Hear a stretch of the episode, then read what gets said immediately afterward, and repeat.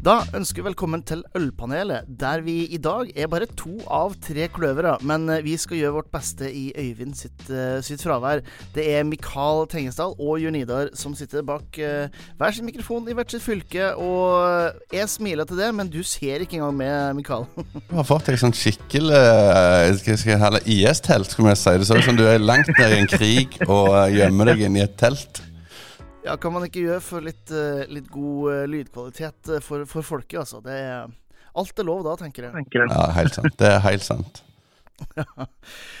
ja, alt vel på, på de sida av landet? Ja da, jeg syns at oh, si, året har starta greit i forhold til forventa. Vi frykter jo det verste med det meste som spiller inn, strøm, strømpriser og lignende. Men jeg føler januar-februar har vært ganske ok, så det er bra.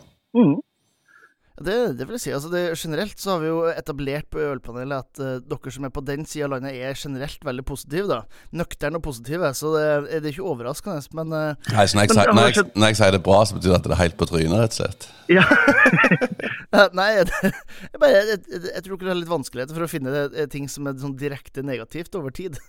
Nei, jeg, er vel litt innstilt på at eh, Og jeg liker ikke å se bakgjennom. Å se og hjelpe ja. sjeldent. Eh, da ser vi jo bare stort sett alle feil vi har gjort, så vi må jo se framover hva vi kan unngå å gjøre, tenker jeg. Ja. Ja, nei, det er jeg enig i det. Du, Før vi snakker om, om, hva som har skjedd siden sist, så har jeg et lite spørsmål til deg. Um, hva, hva, er den verste maten du kan tenke deg? Den verste maten? Den verste, ja. Ja, Fiskeboller i hvit saus. Ok, ok. Da foreslår jeg at dere som hører på, eh, eh, dere får rett og slett bare henge med. For helt på slutten av denne sendinga sånn, så skal vi bruke de fiskebollene til noe spennende, nemlig. Gud bedre. Tenk å kjenne det spennende. Jeg har en så dårlig opplevelse på ungdomsskolen da vi hadde matlaging. Etter, etter det tror jeg ikke jeg råder fiskebolle i hvit saus. Ja, det henger igjen. Ja. ja, men det er bra. Eh, men ellers, da. Hvis du ser, ser bort fra at ting er ganske positivt, har det skjedd noe, noe nytt og spennende eh, siden sist? Uh, nei, det er vel bare at vi holder på å arrangere noen sånn halvmaraton og noe ølfestival og litt for meg Litt, litt, litt det vante greiene, så Men uh, uh, vi hadde jo Ja, nei, det har skjedd noen småting, men ikke Nei, jeg, jeg, jeg, føler at dagene går så fort. Jeg føler at mm. Jeg hørte på en podkast i går, de sa det at til eldre Eller det var Therese Johaug, faktisk til eldre vi blir, til fortere går tida. Så tenker jeg du må bare vente 15 år til, så fyker tida. ja, stemmer det. Så. Ja, men Hvordan går det med, med planlegging av festival? Det er jo Solsida det er snakk om? da. Solsidafestivalen den går ganske bra. Uh, vi, vi, har vært litt sløve på markedsføring, så det må vi ta oss litt opp. Vi var nettopp i lokalavisa med det. og men vi, vi, er fornøyde, og vi syns det er litt kult at vi har fått bryggeri fra Tromsø i nord til Flekkefjord i sør. Så, ja. For vi har prøvd å holde det litt norsk. Vi vil eh, ikke bare alltid ha de store, men prøve å finne en total så, så vi føler at folk får noe nytt. Og så mm. litt noen gamle, kjente travere. Mm. Jeg tror det er litt viktig, litt viktig det, for det er jo litt sånn når Uh, ting har etablert seg sånn som det har gjort nå de siste fem-ti årene, så blir det jo ganske ofte de samme som er på, på de forskjellige festivalene. Ja, jeg, jeg, så det er fint å kunne, kunne vise fram uh, variasjon. Da. Ja, så tror jeg nok litt òg at det, det, er dyrt å reise på festival for bryggeriene. Uh, mm. De må gi plusser og minuser for å se om de lander dette her. Og, og, og, det blir vel ofte at de som har råd, kommer, og så blir det at de som er litt Vi har fått flere som har takket nei fordi de ikke har råd til å komme, og det har jeg full respekt ja. for. Uh, så, så, vi kunne nok vært mye mer bryggeri, men, men, jeg forstår situasjonen. Så vi har jo i år oppa det til at vi har boka at vi spanderer hotell på bryggeriet, sånn at de mm. i hvert fall sparer noe penger.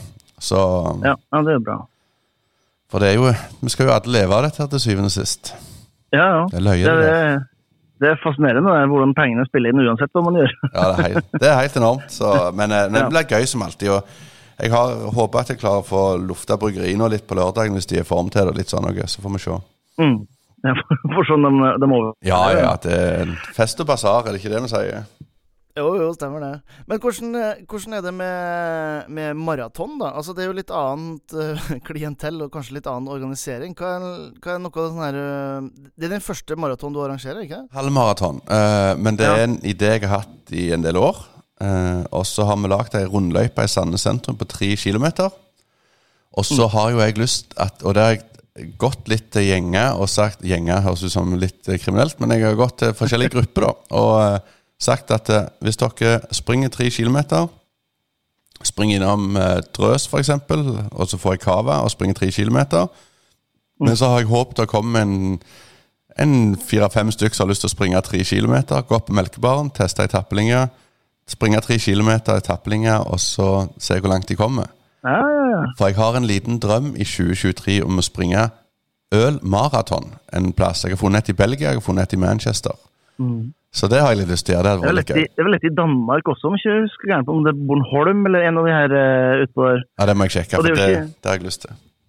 Ja, og det er jo ikke Altså, det med skal si, drikkemaraton og sånt, det er jo ikke uvanlig. Du har jo uh, vinmaraton i Frankrike og i hele tatt, så det er mange Det er mange av de. Uh, ja, det er det. Ja, men det er det setter jo sikkert både helsa og, og levra di pris på at du får trimma litt mens du, mens du uansett skal ha det et glass. Og så har vi skifta navn fra, Sandnes, eller fra Solsida halvmaraton til Solsida sentrumsløp, sånn at det blir litt mer spiselig for alle. Så, eh, ja, ikke sant. så det, hvordan, I din verden, da, er det noe nytt der? Ja, altså siden sist så, så har jo arrangert kulinarisk eh, ølsirkus. Det tør jeg påstå ble en, eh, ble en suksess. Um, det er òg litt det samme som du snakker om i forhold til det å kunne vise fram nye bryggerier. Så har det vært uh, Det var mange som ga tilbakemelding på at uh, de fikk treffe bryggeria for aller første gang på, på middagen, og det syns jeg var veldig, veldig kjekt. Um, dødssliten, selvfølgelig, og ikke så veldig mye sitter ikke igjen med så veldig mye for, sånn, når alt er, er betalt og, og helt tatt. Men, uh, men, alt i alt så må jeg si at jeg er veldig godt fornøyd og frista til, til gjentagelse og kanskje litt andre formater der jeg uh, kanskje drar med meg mer av, uh, av, bransjen. Og da snakker vi ikke om ølbransjen, men, men mat, altså kokkebransjen, om du skal si det sånn, da. Og, så at, uh, jeg, jeg, tror det kan være et veldig godt grunnlag for å rett og slett løfte opp det her med, med øl og mat i, i, kombinasjon. For det er jo ikke akkurat så Det er ikke en, det er ikke en faggreie ennå. Vi er noen raringer som holder på med det. mens de aller fleste innenfor serveringsbransjen holder jo på med vin, selvfølgelig. så et, jeg har litt lyst til å prøve å utforske om man kan få serveringsbransjen til å fokusere mer på, på øl når det kommer til Eh, til mat og servering av mange årsaker. Eh, selvfølgelig smak og kompleksitet og alt det her. Matchevin og, og enda litt til. Eh, men i tillegg så er det jo mye mer bærekraftig å, å holde på med den typen landbruksprodukter enn eh, f.eks. importert eh, vin fra Chile eller eh, Sør-Afrika eller New Zealand i hele tatt. Selv om det er godt, så er det ikke så bra å, for, for miljøet. Og det er jo noe som eh, er mer og mer fokus på også, så det, det, er, det er hardt det med å slå et slag for det lokale det norske. og sånn, for da Forbrukeren lukker litt ørene mange ganger, fordi de klarer ikke å se totalen. Nei, det, det, man gjør ikke det. Men det er bare sånn Ja, men her, den har fått uh, 91 poeng i, i, i, Robert Parker. Og det er bare sånn Ja, det har den, men den har også eh, blitt eh, eh, kjørt på en båt fra New Zealand i 28 eh, dager før den kom på en havn i Rotterdam. Ble putta på et, eh, en lastebil, kjørt til Vestby. Deretter lasta på en ny eh, lastebil og kjørt opp til Mosjøen eller Sandnes eller hvor det måtte være. Så, det er ikke, så, fo, så fotavtrykket er litt, er litt, annerledes sånn miljømessig. Ja, men øl, ølet, var, ølet var jo fersk når det ble tappa, så det var jo ganske bra. Så da er de fornøyde. Ja. Ja, det. og, nei, og ellers er jeg i gang med, med det importfirmaet. Um, Craft Beer. Det er skummelt å bruke det i hvert fall jeg opplever som mye penger. Uh, med å kjøpe inn, uh, kjøpe inn øl. men det er jo en del av, det gamet. Men så er det veldig, det er veldig morsomt å kunne jobbe med, med bryggerier på den måten igjen. Og, og jobbe med, med utesteder da, for å ja, rett og slett se om vi greier å få opp litt oppmerksomhet for de, de bryggeriene. Så det, det er spennende. Eh, bratt læringskurve og eh, mye arbeid, men det er jo sånn det skal være, tenker jeg, når man skal starte noe helt nytt. Ja, jeg har ikke peiling. Jeg antar det. ja. Nei, det, det, stemmer. Du har jo fått en tittel på den andre podkast som ikke skal gjengi her, da, men Den... du er jo involvert i et par, uh, par prosjekter, for å si det mildt. Ja da, men jeg, jeg elsker det. Og jeg sier òg det at uh, vi kan sjelden Jeg kan si det sånn, nå driver jeg forskjellige firmaer, og jeg elsker det. Det er livsstilen min. jeg har vel jobbet meg utover ekteskap, blant annet, med det jeg holder på med, men jeg, jeg brenner lidenskapelig opptatt av det. Og nå på lørdag så reiser jeg på en guttetur til Spania med to ganger i året. Eh, og så har vi funnet oss en restaurant Fengirola som vi kjøper 60 forskjellige øl ifra. Faktisk noe norsk og litt sånn, det han har, da. Ja. For vi liker kvalitetsøl. Ikke at det betyr så mye, men da kjenner jeg den, de to ukene i året der er det gull verdt. Og da betyr ikke hvor mye jeg jobber og rundt utenom. Det er min filosofi. Ja, ja. Det blir en sånn oppladingsperiode, rett og slett. Ja, ei uke meg på guttetur. Det er oppladning til de neste 48 ukene. ja, stemmer. Neida, det men, men, men, det er viktig å ha mål hele tida, syns jeg. Mm. Så Ja, det er jeg enig, enig i. Bra. Nei, men bra. Nei, Det er det som har skjedd siden sist. Skal vi ta bare hoppe hopp i et par uh, temaer for, uh, for podkasten? Kjør på.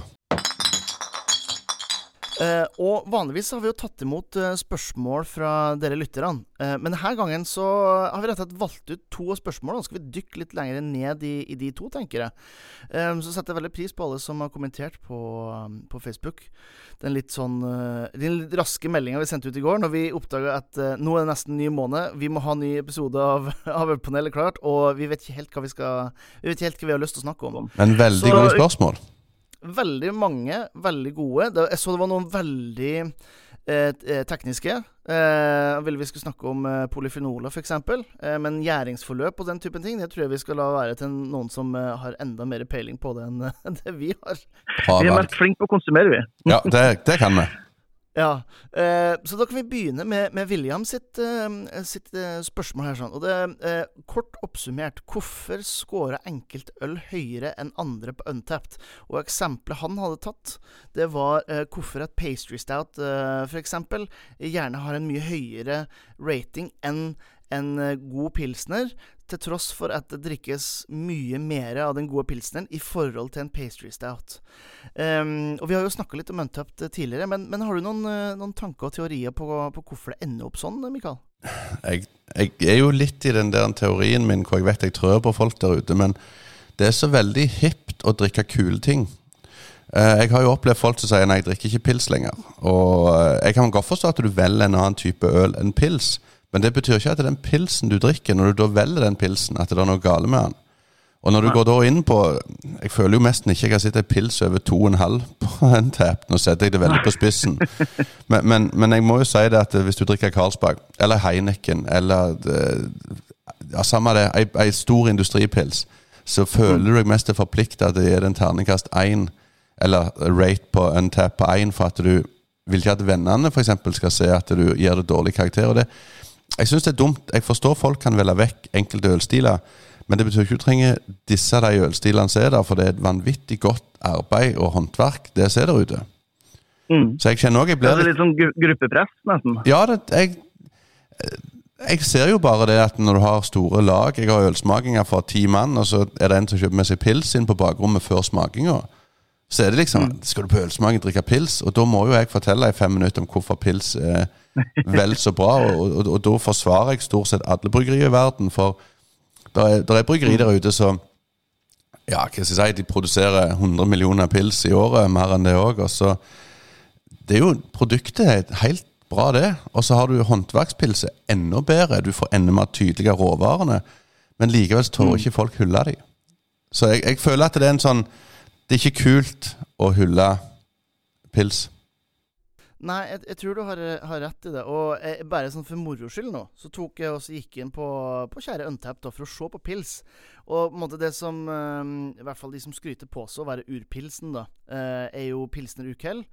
Uh, har uh, nesten 400 000 check-ins og en rating på Skal vi se, skal gå tilbake her 3,37.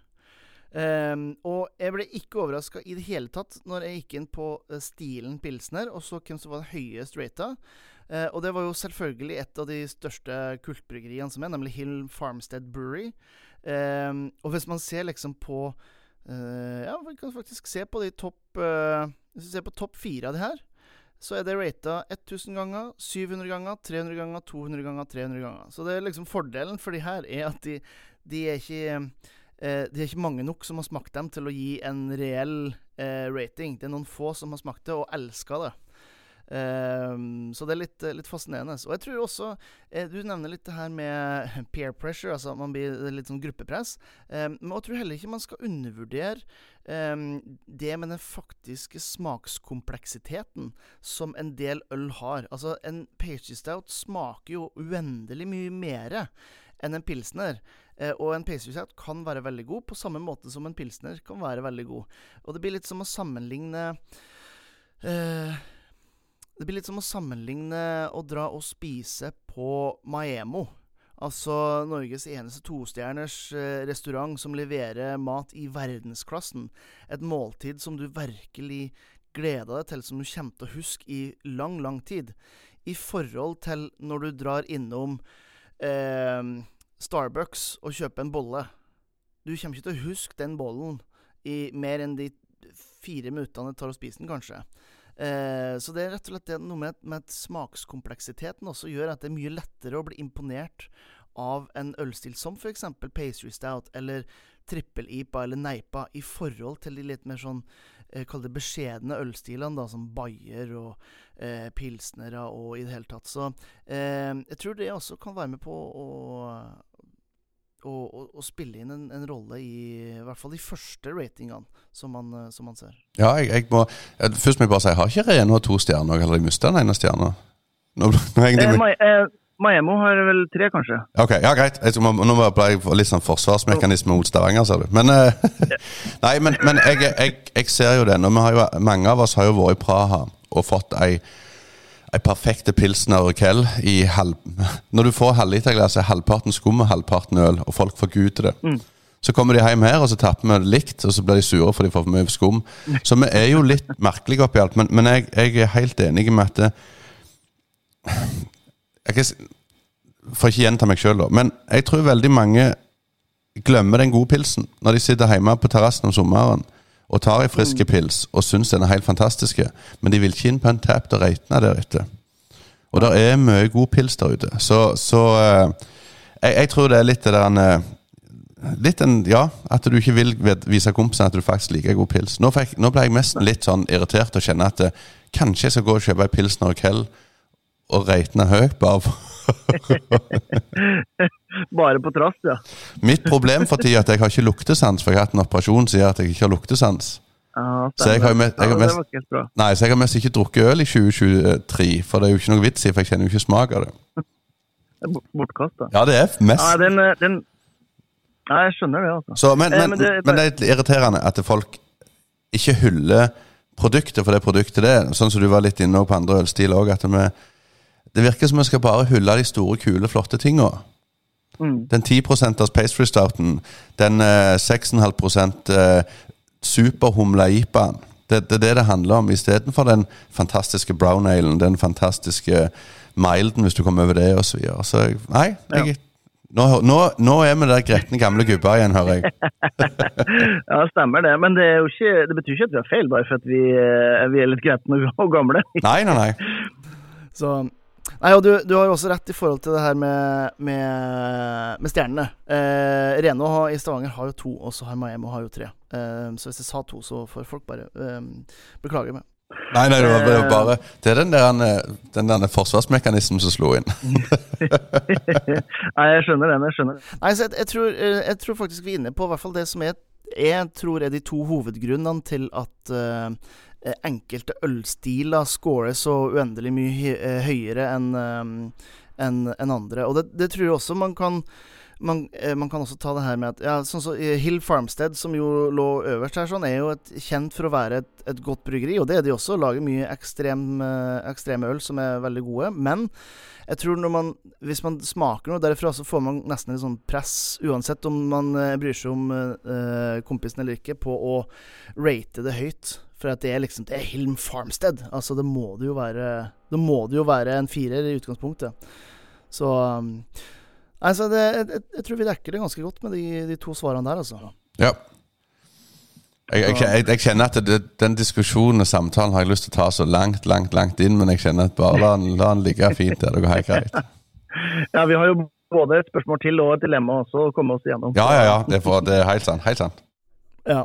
Vet ikke om folk hører det i bakgrunnen her, men jeg sitter jo på kontoret mitt. Som, som Mikael poengterte, så det, ser det ut som en liten sånn skyttergrav eh, som jeg har laga meg for å for å dempe lyd utenfra. Men kjerneboring i betong som foregår, eh, eh, hører jeg, det, det, er veldig vanskelig å beskytte seg mot. Så hvis dere hører masse buzzing i bakgrunnen, så vet dere i hvert fall det er ikke, er ikke hos tannlegen. Nei, det det, og den lyden der, den, den setter seg. ja, den setter, det kan være mest sannsynlig så holder det på i andre enden av, eh, av huset her. Det er jo, sitter, jo på Romsås senter, så um, det er jo alltid noe action her oppe. Ja, Fantastisk. Det er helt fantastisk. Eh, neste spørsmål eh, som vi har valgt å ta med, det er jo fra Murat. Eh, er jo barsjef, daglig leder, eh, på Kafé Sara her i Oslo. Et, eh, et utested. Og det har han vel vært i uendelig mange år? Ja, han har, vært, eh, han har vært, der lenge, altså. Det, det har han absolutt. Og uh, for å oppsummere spørsmålet hans, da. Han, han, drar jo inn litt det her med at det er flere byggerier som har gått konkurs, eller som har varsla at det skal legges ned. Uh, og han lurer på hvorfor uh, Altså Oppsummert, hvorfor er det viktig å støtte lokale bryggerier, og hvorfor gjør ikke folk det mere? Um, og det er jo et uh, veldig relevant spørsmål, etter hvert som ja, jeg, jeg, kan i hvert fall Jeg kan komme på fire bryggerier nå på farten som har enten gått konkurs eller uh, har lagt ned, eller skal legge ned, um, uh, som har annonsert det her i, i 2023. Og uh, hvorfor er det viktig å støtte, det lokale bryggeriet, tenker kanskje en, er veien inn i, i, det, så man ikke driver og og drodler for mye rundt hvorfor at det ikke har fungert. Men sånn som jeg tenker det, så er det altså en av de hovedgrunnene, hvis man skal se rent sånn kynisk på hvorfor man skal støtte lokale bryggerier, eller lokale mataktører eller lokale leverandører generelt, er rett og slett det, det økonomiske i det hele. Altså, eh, hvis man ser på samfunnsøkonomiske på å, å, handle lokalt i forhold til å handle eh, utenom, så er det jo ting sånn som Eh, eh, verdiøkning på, på, området. Altså du, skaper en merverdi der det er. Eh, det gjør det selvfølgelig mer attraktivt for eh, flere flere folk å flytte dit, fordi at det er flere, også flere arbeidsplasser. Og så er det jo en god del skatt som kommer inn i forbindelse med det her, og kanskje spesielt når det kommer til alkohol, som er såpass eh, avgiftsbelagt, så er det ganske mye eh, avgifter som kommer inn. Um, og det er litt sånn at ved å støtte et lokalt bryggeri, så støtter du òg eh, naboen din. Eh, fyren du treffer på fotballtrening med ungene. Altså det, det, er en helt annen uh, bidrag til de rundt det uh, enn hvis man kjøper uh, øl fra f.eks. de store konsernene som i dag har total markedsdominans, men de som eier det hele, sitter i, i andre land enn Norge. Så rett og slett at man skal være litt grann forsiktig med å si liksom uh, at, man skal, at, man skal, ta vare på de norske verdiene når det kommer til sånn i forhold til at det skal gå til, til utlandet. Men akkurat i dette tilfellet så syns jeg det er kanskje en av de aller viktigste grunnene til at man skal støtte et lokalt bryggeri. Men uh, kunne du tenke, Mikael, hvorfor er det viktig? Eller er det viktig egentlig i det hele tatt? Ja, jeg, jeg syns jo det er veldig viktig å støtte det lokale bryggeriet. Litt på samme måten så det er viktig å støtte den lokale puben. Hvis vi ikke støtter det, så er det kanskje ikke der i morgen. Men, men det er jo en, det er et spørsmål som går igjen. Og jeg er Jeg lurer jo mange ganger på hvorfor. For eksempel er det uh, jeg, jeg, skal ta et eksempel. Jeg, uh, vi i Rogaland vi reiser jo mye til Lindesnes og Sørlandet på ferie.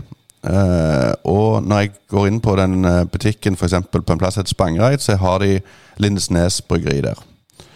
Så mm. tenker jeg at hvorfor kjøper ikke folk mer Lindesnes pils istedenfor å kjøpe en av de store? Mm. Og og det, det, det spørsmålet som kverner mange ganger, tenker jeg, er det pga. pris? Og når vi har hytte Eller ikke, jeg har ikke hytte, jeg har bare lånt hytte, for så det er sagt. men, men, når de som har hytte og sånn der nede, er, de mener jo at de har mer enn nok av penger. Er det at de kjøper øl etter pengetaska? Er det det som gjør at de ikke velger lokalt? Det, øh, er det for at øh, Hva skal jeg si? Jeg, jeg, vet, jeg, vet, ikke hvorfor de ikke støtter opp. Det irriterer meg litt, for Er det for at vi ikke tår Hvis de ikke er fornøyde med den øla, er det at de ikke tør å gi beskjed? Er det sånne ting dør ut? Mm. Jeg, jeg, det, det, er et spørsmål som høres veldig enkelt ut, men det er så mange spørsmål bak det for meg. For folk går ut og kjøper de store navnene. Men så lar de de små, ja, navnene, så lar de de små navnene ligge igjen, og jeg forstår bare ikke helt hvorfor. Nei, Nei jeg, kan, jeg, kan, være enig med det at det er litt vanskelig å forstå. Men jeg, jeg, tror det, jeg tror det er tredelt. Jeg tror det ene er vane. Altså Man er vant til å ta med seg den store makropilsen som man uh, gjør ellers. Uh, og så tror jeg det er smak. Fordi at uh, er det håndverkspils, så er det som oftest litt mer smak i det, rett og slett. som jo er både en fordel, men kan òg være en bakdel hvis man har en en forventning på hva noe skal smake, og så smaker det litt mer, så er det kanskje ikke nødvendigvis en, en positiv i forhold til formålet med konsumet. Um, og så er det jo uh, pris også. Uh, jeg tenker dit, den treenigheten der jeg tror det er mye det som gjør uh, volumsalget i, i, Norge i dag, altså. Ja, for i butikk så, så må vi Ni av ti som går i butikk, kjøper jo en stor pils. Når de skal kjøpe en sekspakning med øl, så kjøper de en stor pilspakke. Det tror jeg er ikke en underdrivelse. Og da er bare spørsmålet hvordan får vi de ni av ti til å velge noe annet? Eh, det var akkurat som jeg mm. oppfordra et bryggeri i området her som selger på Rema 1000. Så sa jeg at hvorfor spør dere om dere kan få lov ha stand en gang? Mm. Ikke for å levere og drikke, for det er jo ikke lovlig, men for å snakke om ølet deres. Hvis dere står langs reolen og snakker om deres øl, så kan det være ja, Av de ni av ti, da, så er det kanskje tre av de tar deres øl og får opp øynene for noe nytt. Og det, ja, det og det er litt av den framsnakken jeg holder ølsmaking òg, så sier jeg alltid til folk Når dere kjøper den vante sekspakningen deres, kjøp med én ny øl hver eneste gang. Dere har råd til å hive ut 50 kroner ut vinduet. Eh, noen av dere røyker, noen av dere gjør ditt eller datt. Dere bruker for nok av penger på tull i denne regionen her. Så det skader mm. ikke å kjøpe én ny øl utenom den vanlige sekspakningen. Så får dere kanskje opp øynene for nye smaker. Ja. ja, og og eh, jeg tror du er inne på noe der også. Eh, Murat burde jo vite det her, for at eh, Kafé Sara i Oslo var jo en av de som eh, i, i, veldig mange år var ledende på nye norske bryggerier, på ny norsk øl på tapp. Det var et utstillingsvindu for veldig mange inn i det største markedet i, i, i Norge, nemlig Oslo, for, uh, for øl. Uh, så det er ikke noe tvil om at at det kan fungere å, å støtte opp òg for, for utelivsaktører. Og det hadde jo ikke altså den, Nå er jo både jeg og du såpass eh, erfarne og holdt på i den bransjen her såpass lenge at vi vet jo hvordan det var før det var 200 norske bryggerier. Eh, og det var ikke variasjon i kjøleskapene. Eh, og den variasjonen som har kommet nå, den har kommet til tross for de store bryggeriene sine forsøk på å eh, ikke presse ned nødvendigvis, men på å holde det homogent og holde det til det eh, altså en minimum antall eh, ølstiler. Jeg husker jo enda jeg hadde en Jeg arrangerte en middag eh, en medium, i en mediumstor eh, by i, i, Norge med et stort norsk bryggeri til stede. og da satte opp vin og så satte opp øl til, til maten. Og satte ved, ved sida av den representanten her. Og da sa den representanten så bare Ja, det er jo litt sånn morsomt med det her, med her mikrobrygga ølet, men det kommer ikke til å vare. Det er jo bare en sånn her trend, og så kommer det til å gå bort. Og den vedkommende fikk jo gruelig feil når det var et av de første bryggeriene i den størrelsen som lanserte både en pale ale og en, og en IPA. Så Uh, den variasjonen man ser i dag, er selvfølgelig Mangoipaen til Hansa er jo et eksempel uh, på det, men Frydenlund Juicy Bær, eh, eh, Hansa sin eh, spesialserie med både White IPA og IPA og hele tatt, hadde aldri kommet, hadde det ikke vært fordi at det var et marked for den typen produkter, og den typen produkter eh, er det kall early adapters som står bak, og de får sin variasjon og sitt push gjennom eh, de små bryggeriene som eh, er lokale og har lyst til å teste eh, nye stiler, nye smaker, nye samarbeid, ikke minst. Så ja, jeg føler òg at de store har blitt litt flinkere. Jeg må jo si, og nå er det nok mange som skrur på off og stopp og alt det på denne podkasten når de hører dette, her, men jeg syns ei Frydenlund Juice Jeep er helt, helt, kjempebra å drikke. Uh, mm. Så jeg kom inn på en pub og jeg ser de har det på tapp og ikke så mye annet, så kjenner jeg det er en hei konge. Funker bra for meg den kvelden, det. Ja. Så, så jeg, jeg, føler jo noe at de store gjerne begynner å bli bitte litt bedre. For jeg har jo vært i utlandet hvor de store prøver seg på alternativ. Så er helt idiotisk, mm. men det er jo for å selge. Eh, men, men, hvorfor får vi ikke folk til å handle lokalt? Er det, er det pga. at de ikke vet om det?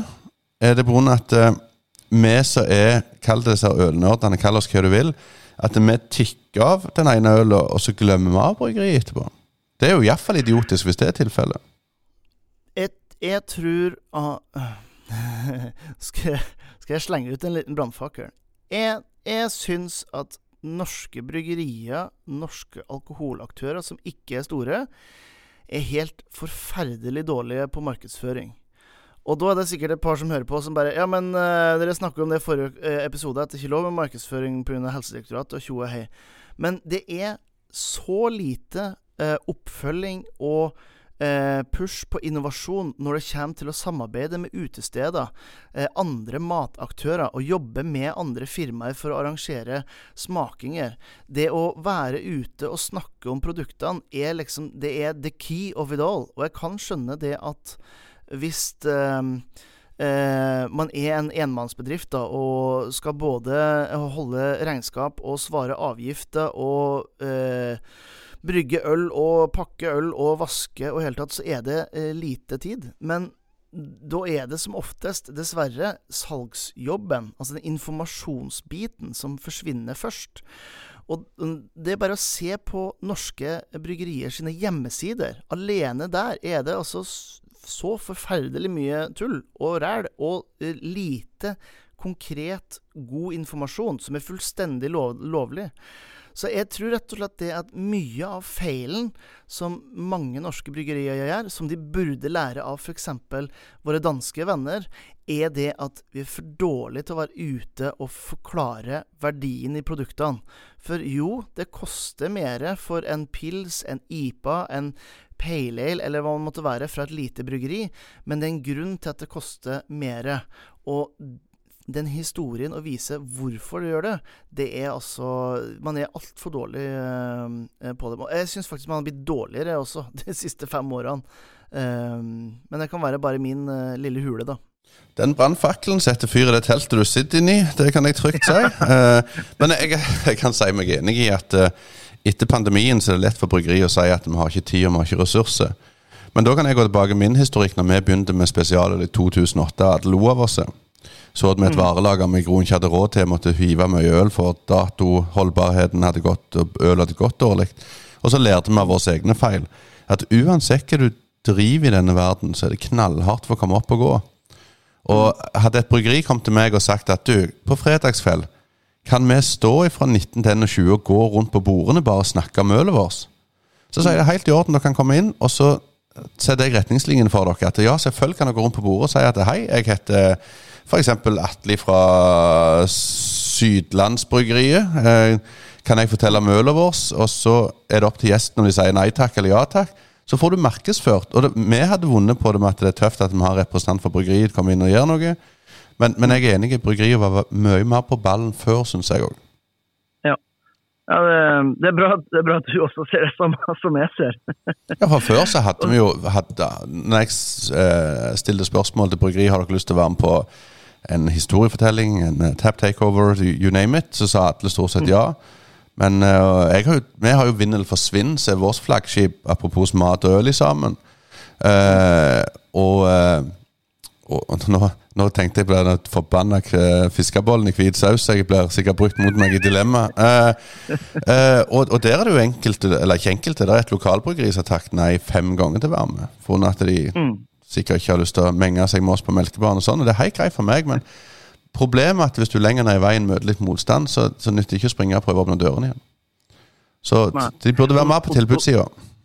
Og da er vi jo egentlig litt tilbake til til det første spørsmålet. Eh, det her med untapped, ikke sant. Med at eh, man føler det at det skal være litt eksklusivt. Eh, ikke sant? Man får eh, et øl fra et gitt bryggeri, så er det litt eksklusivt. Og den typen oppførsel da, som, du, som du snakker om her, eh, da har du, da har du missa hele, eh, hele gamen, syns jeg. Fordi at hvis du ikke greier å se det at, at alle som konsumerer alkohol, burde være en potensiell kunde av det hvis du skal overleve i det markedet som er her. Du kan ikke bare selektere. Jeg skal bare ha jeg skal bare ha øldrikkere som har 3000 check-ins på Untapped eller mer. Da er du plutselig i, i en 0,001% av de som konsumerer alkohol. Er det, er det nok? til å overleve? Er det nok til å Har du gode nok produkter til å konkurrere i det? Til at du skal bare forvente at konsumenten skal uh, si 'Å, har du ny øl?' 'Ja takk, den tar vi.' eller må du ut og fortelle en historie? Så Nei, det, det, Jeg føler egentlig Nå ble jeg egentlig litt forbanna på, på lokale bryggerier, og det var ikke meningen. Nei, da, men, men, men, litt tilbake litt hvordan folk velger, da. Før før så hadde vi nesten en menighet som ropte og skreik hver gang det kom Hvis de store begynte å kjøpe seg inn i de små, så ble det baluba uten like. Vi har mm. flere norske bryggerier som er eikt både av uh, veldig store norske bedrifter og ikke minst av utenlandske aktører. Uh, jeg husker når uh, et kjent sørlandsbryggeri ble kjøpt opp av et enda større bryggeri, så nekta jo folk å drikke ølet deres. Og da er jeg litt sånn Bryr, de, de, nye øldrikkerne, de som har kommet litt seinere til bordet da, for å drikke spesialøl, er de mer opphengt i produktet og gir litt blanke F i hvem som eier de? Og, og, og, sånn sett skal vi være så opptatt av hvem som eier de? Uh, det tror jeg ikke. Altså, det er min opplevelse at det ikke Det er um, For sju-åtte år siden så uh, kunne hende at det var på ølfestival, og noen spurte liksom Ja, OK, men har ikke de akkurat det her solgt seg ut til uh, det her bryggeriet, det her bryggeriet? Mens jeg, jeg, har ikke hørt det Jeg har ikke hørt det på årevis. At det er noen som, som, bryr seg så For folk bryr seg jo egentlig mest om hvordan det smaker. Det er i hvert fall det de burde gjøre. Med, med mindre man er liksom ubernerd. Og da tenker jeg ikke bare på de som hører på den øl podkasten her, så tenker jeg faktisk de som ikke hører på den for den er for mainstream, eller, eller noe i den duren. Altså de som er ordentlig, ordentlig nerd. Uh, og det er ikke noe gærent i det, men det er en yderst liten uh, uh, gruppe med mennesker. så det er egentlig det Jeg tenker Jeg tror ikke folk bryr seg så mye om det lenger. Kan, det er mye Ja, unnskyld. Nei, ikke på. Nei, jeg bare kan oppfordre Hvis det er noen små bryggeri der ute som har lyst til å ha noe venta på Melkebaren, så kan jeg garantere at jeg kjøper varer for iallfall 10 000, og så kan dere komme her en kveld og snakke om dere sjøl. Så mm. får dere markedsført dere og fortalt om hva dere har lyst til å gjøre, og hvorfor dere har gjort det, og ikke minst fortelle om reisen deres. For det er ganske gøy å høre på reisen, for det er da vi hører slitasjen. Og, og det er da det er veldig kjekt for lytterne å høre at det, er mye blod, svette og tårer bak dette. Mm. Ja, og det, og det er mange som det. Eh, ikke så veldig mange som sier det på en podkast, selvfølgelig, men det er, det er, veldig mange som heier veldig på lokale bryggerier, på norske bryggerier. Eh, og hvis man som en liten aktør, et lite tips fra min del Hvis man er en, en liten aktør og føler at man ikke har tid til å, til å være ute og selge og misjonere i det hele tatt, eh, finn dine blodfans blant kundene som man har som en bedrift, så er det alltid en eller annen blodfan hvis man har gjort en, en, god, uh, en god, jobb. Uh, og, og det her blodfanene kan brukes til å framsnakke det. Uh, og, og, vær ambassadører for det. Og Hvis du greier å få den typen ambassadører, så har du noen som kan hjelpe deg i det, i det hele også. og jeg, jeg, personlig er jo Jeg, jeg syns jo jeg, jeg, gjør i hvert fall en personlig innsats på å si mer ja enn nei til, til, ting. Fordi at eh, man vet aldri hva, skal, hva som kommer ut av det. Eh, og, og, det tenker jeg norske bryggerier som eh, synes det er veldig vanskelig å, å markedsføre seg digitalt, eh, gjør det fysisk. Det tar mer tid, det koster litt mer penger, men gevinsten kommer til å være større enn å legge ut en, eh, et tilfeldig bilde av en uh, humlepellet, uh, tror jeg. Yes ja. ja. Det blir både ris og ros i den der Ja da, men vi, vi, vi heier, på, vi heier på, på, lokalt, og vi heier på kvalitet. Det er det ikke tvil om. Ja. 100 100 Nei, men Bra. Da har vi tatt uh, de to uh, spørsmålene der. Da skal vi da hoppe rett i, i dilemmaen, tenker jeg. Ja, jeg, bare, Kan jeg få lov å slenge inn et ekstraspørsmål? For jeg ble litt ja. Det ble også stilt spørsmål om hvorfor det er så lite uh, craft beer på kulturarrangement og fotballkamper og sånne ting. Mm. Uh, og da vil jeg bare si, jeg husker ikke hva han heter, han som kom med spørsmålet, uh, men, men da, da, Henning. Ja, jeg kan si at det er flere plasser. Men nå, ok, tar jeg mitt distrikt, da, så begynner Lærvik å bli både på kulturhus og litt sånne ting. Uh, jeg var på standup-show i Kulturhuset i Stavanger. Konserthuset, iallfall. Unnskyld. Konserthuset. Og så kjøpte vi Lærvik, så ble jeg så skuffa, for vi fikk ikke ta det med inn. Så vi måtte drikke det opp før vi gikk inn. Men uh, sånn er det. Men, men jeg, jeg, tror det kommer mer, eller ikke mer, det kommer nok iallfall av de store Lærvik-type lignende som har penger til det. Men det handler dessverre om penger. Det handler om å kjøpe seg inn. At det er sånn som så f.eks. Viking stadion, som vi har i dette området her så må du nok gi et anbud, og da blir nok de minste tenke at dette gidder vi ikke være med på. Men heldigvis finnes det folk i hver en bar som har hjerte for spesialøl, og klarer å lure gjennom et par. Så det er positivt. Mm. Og så eh, eh, Hvis man ser på de store kulturscenene i Norge, så er nok slaget tapt, fordi det er såpass mye penger.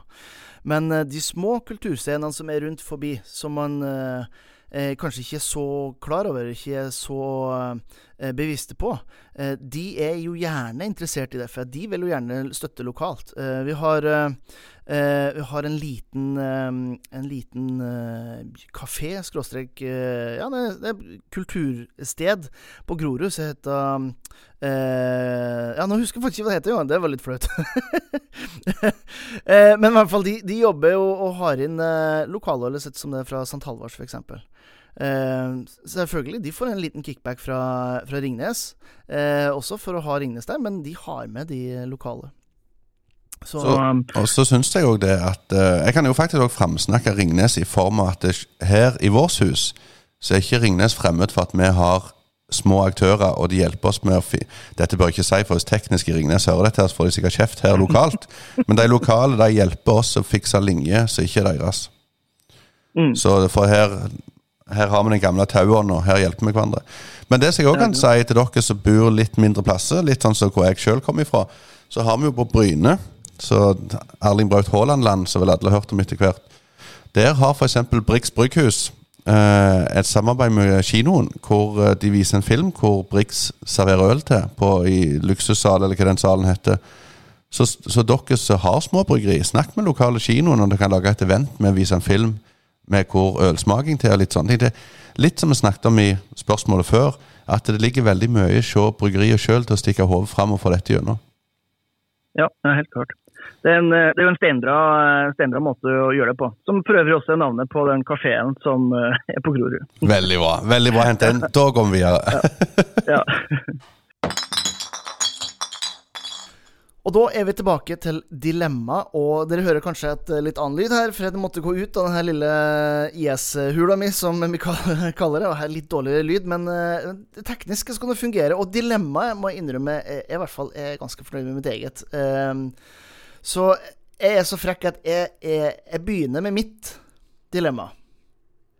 Um, og mitt dilemma, Mikael, er rett og slett at du må enten velge mellom å få spise hva du vil eh, resten av livet. Om du har lyst på det ene eller det andre. Du kan velge akkurat hva du vil. Men du kan bare drikke meksikansk lager. Altså type korona og Sol og den typen ting. Eller du må spise fiskeboller i hvitsaus én gang i uka for resten av livet ditt, men du kan drikke akkurat hva du vil med maten. Nå kjenner jeg Det var sånn Faen òg. Uh, eh, jeg, jeg, må gå Jeg må Å, oh, herregud. Jeg, jeg, vet jeg, jeg overlever mye løye. Jeg, må ta de der fiskebollene uh, en gang i uka. Det er noe av det mest forkastelige måltidet jeg kan tenke på, faktisk. Jeg, jeg, husker vi hadde når jeg var liten, så hadde vi blodpudding og ris. Uh, det er jo en gourmetrett i forhold til dette her blodpudding og ris? Ja, det var det vi hadde til vise. Det var før vi fant olja her borte. nei, da, nei, men det husker jeg. Også med mye ketsjup på risen. Det syns jeg var kjempegodt. Men, men eh, nei, fiskebolle i hvit saus. Og resten av familien min syns det er helt fantastisk. Ja. Men jeg har sagt til mor og deg hvis jeg kommer hjem på én middag med fiskebolle i hvit saus, så kommer jeg aldri hjem igjen. men, eh, men, i dette dilemmaet så må jeg ta det. Jeg, for jeg, jeg, eh, ingen, jeg skal ikke snakke drit om verken korona, Sol eller tre eggis og alt det der nedi der. Men jeg har ikke lyst til å drikke det resten av livet mitt. Så jeg har en sånn liten fun historie med korona. Ja. Jeg eh, var nede på ferie i Mexico Og så var vi på et sånn et all inclusive-hotell. Og så går jeg bort, og så sier jeg uh, Dos coronas på favor. Og så sier han Yes. And I think you would like some lime in it. Han sa det jo, jeg forsto at her er det noe steingale. Så sa jeg nei, tydeligvis ikke. Så sa han det ikke han forstår med den limen, for den limen brukte de for mange mange, mange år siden i Mexico for å ta rundt kanten for å holde insektene vekke. Men med en gang det mm. nådde Vesten, så var det å stappe nedi og ødelegge smaken. Og så sier han hva tror du bryggerne syns om dette her? Så sa jeg jeg, jeg skal ikke ha lime oppi. om den historien er sann, det har jeg faktisk aldri ettersett. Men, men når han bartender var så tydelig på dette, så kjente jeg dette står jeg over. Så jeg tar uh, etter det tror jeg ikke jeg har hatt lime oppi korona, faktisk.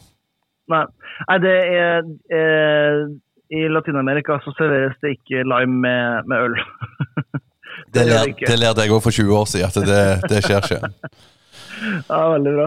Mitt dilemma, og jeg òg havna inne i mat og drikke. Jeg følte det var liksom litt essensen i dag. Jeg vet ikke hvorfor. Men du kan velge måltidet sjøl, men da setter en tiåring øl til maten din. Eller så kan du velge øla først, og så etterpå så setter tiåringen maten til. kan det være min egen tiåring? Uh, random jeg har en følelse at din tiåring er bedre enn min elleveåring. For min elleveåring han liker alt som er crap av mat. Uh, og, og, så jeg hadde jo spist vanvittig mye snop, men nesten hver dag, føler jeg, i form av uh, nuggets og gudene vekker det. Så vi tar en gjennomsnitts norsk tiåring. Og han har jo i hvert fall aldri hørt om øl i stort sett nesteparten av heimene. Jeg, jeg tror jeg tror jeg hadde uh, For her, her, kan du ende opp med å få en uh, Hva skal jeg si, du kan jo nesten få en, uh, en, en stout ja, ja, Du kan jo alltid finne unntak, alt, men du kan få en stout til det minst tenkelige måltidet som passer til dette, her, og du kan få vice versa. Chicken nuggets og pastry stout. jeg vet du hva, jeg tror jeg hadde, jeg tror jeg hadde valgt mat. Uh, og så gambla på Gambla på ølen, tror jeg faktisk. Jeg bare, jeg bare, ser for meg at den gjennomsnittlige tiåringen sitt matrepertoar er ganske begrensa. Uh, mens ølrepertoaret er jo sikkert enda mer begrensa, men det tror jeg kanskje blir mer enn bare pek på etiketter, eller noe sånt. Jeg vet ikke. Nei, jeg, jeg hadde valgt mat. Jeg hadde, jeg hadde, jo valgt omvendt. Jeg er jo alenepappa, så jeg, jeg skjemmer jo ut ungene mine den uka jeg har dem. Jeg er for dårlig der, det skal jeg innrømme.